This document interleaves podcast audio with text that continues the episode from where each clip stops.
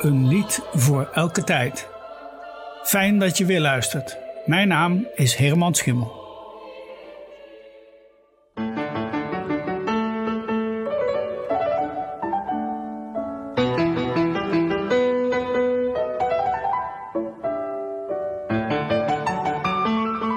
Er is echt een jarig, hoera, hoera, dat kun je wel zien, dat is zij.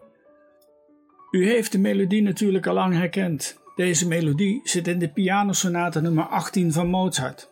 Er is er een jarig. Maar morgen zijn er in mijn gezin twee jarig. Een van mijn zoons wordt 42 en morgen wordt ook mijn jongste kleindochter 1 jaar. En daar hoort natuurlijk feestelijke koormuziek bij, maar welke? Lang zullen ze leven kennen we niet als koorversie. Het wordt al eeuwenlang gezongen en in Nederland is de herkomst ervan niet bekend. De oudste vermelding dateert uit 1860.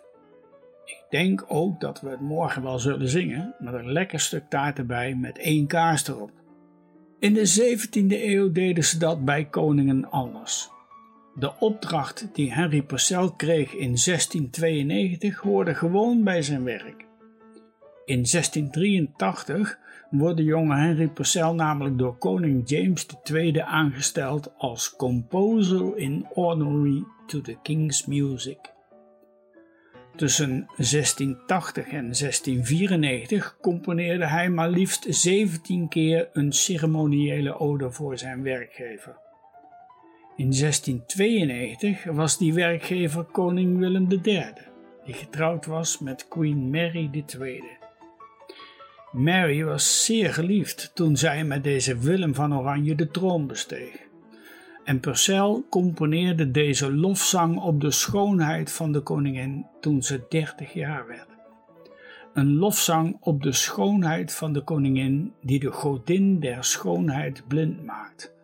Love's goddess sure was blind this day. Het laatste deel dat ik u nu laat horen gaat over de hoop dat Mary lang zal leven. Een lyrisch einde dat zacht wegsterft. May she to heaven late return, and choirs of angels there rejoice. En let dan zo op dat woordje rejoice, zeg maar een beschaafde versie van hip hip hoera. As much as we below shall mourn, are short but their eternal joys. Luister Love's God Sure Was Blind, de ode for the birthday of Queen Mary van Henry Purcell.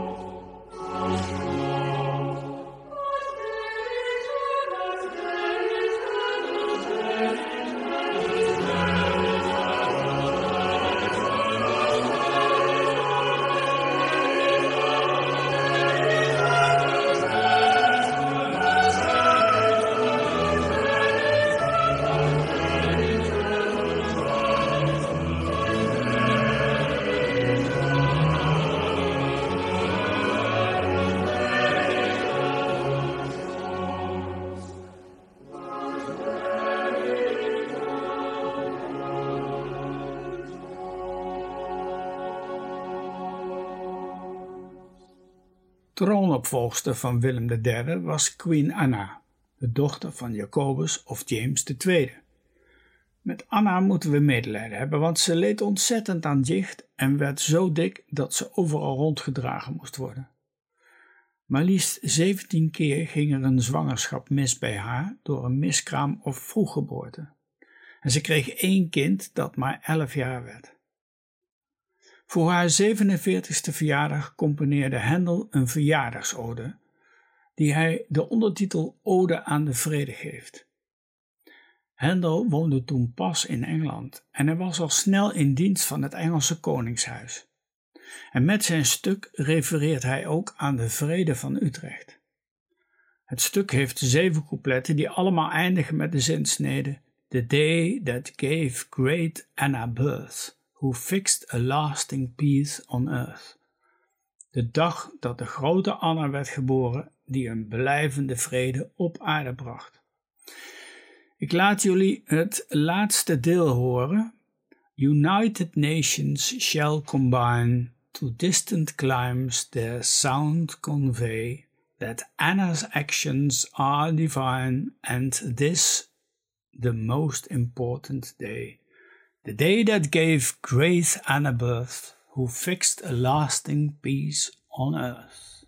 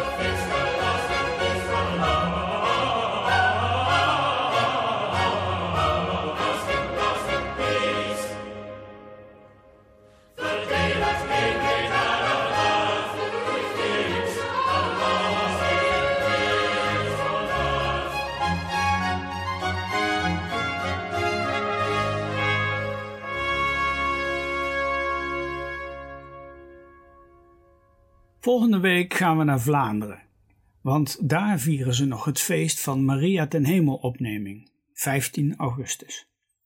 Dan sta ik stil bij een van die vele wegkapellekens die Vlaanderen heeft. Tot volgende week.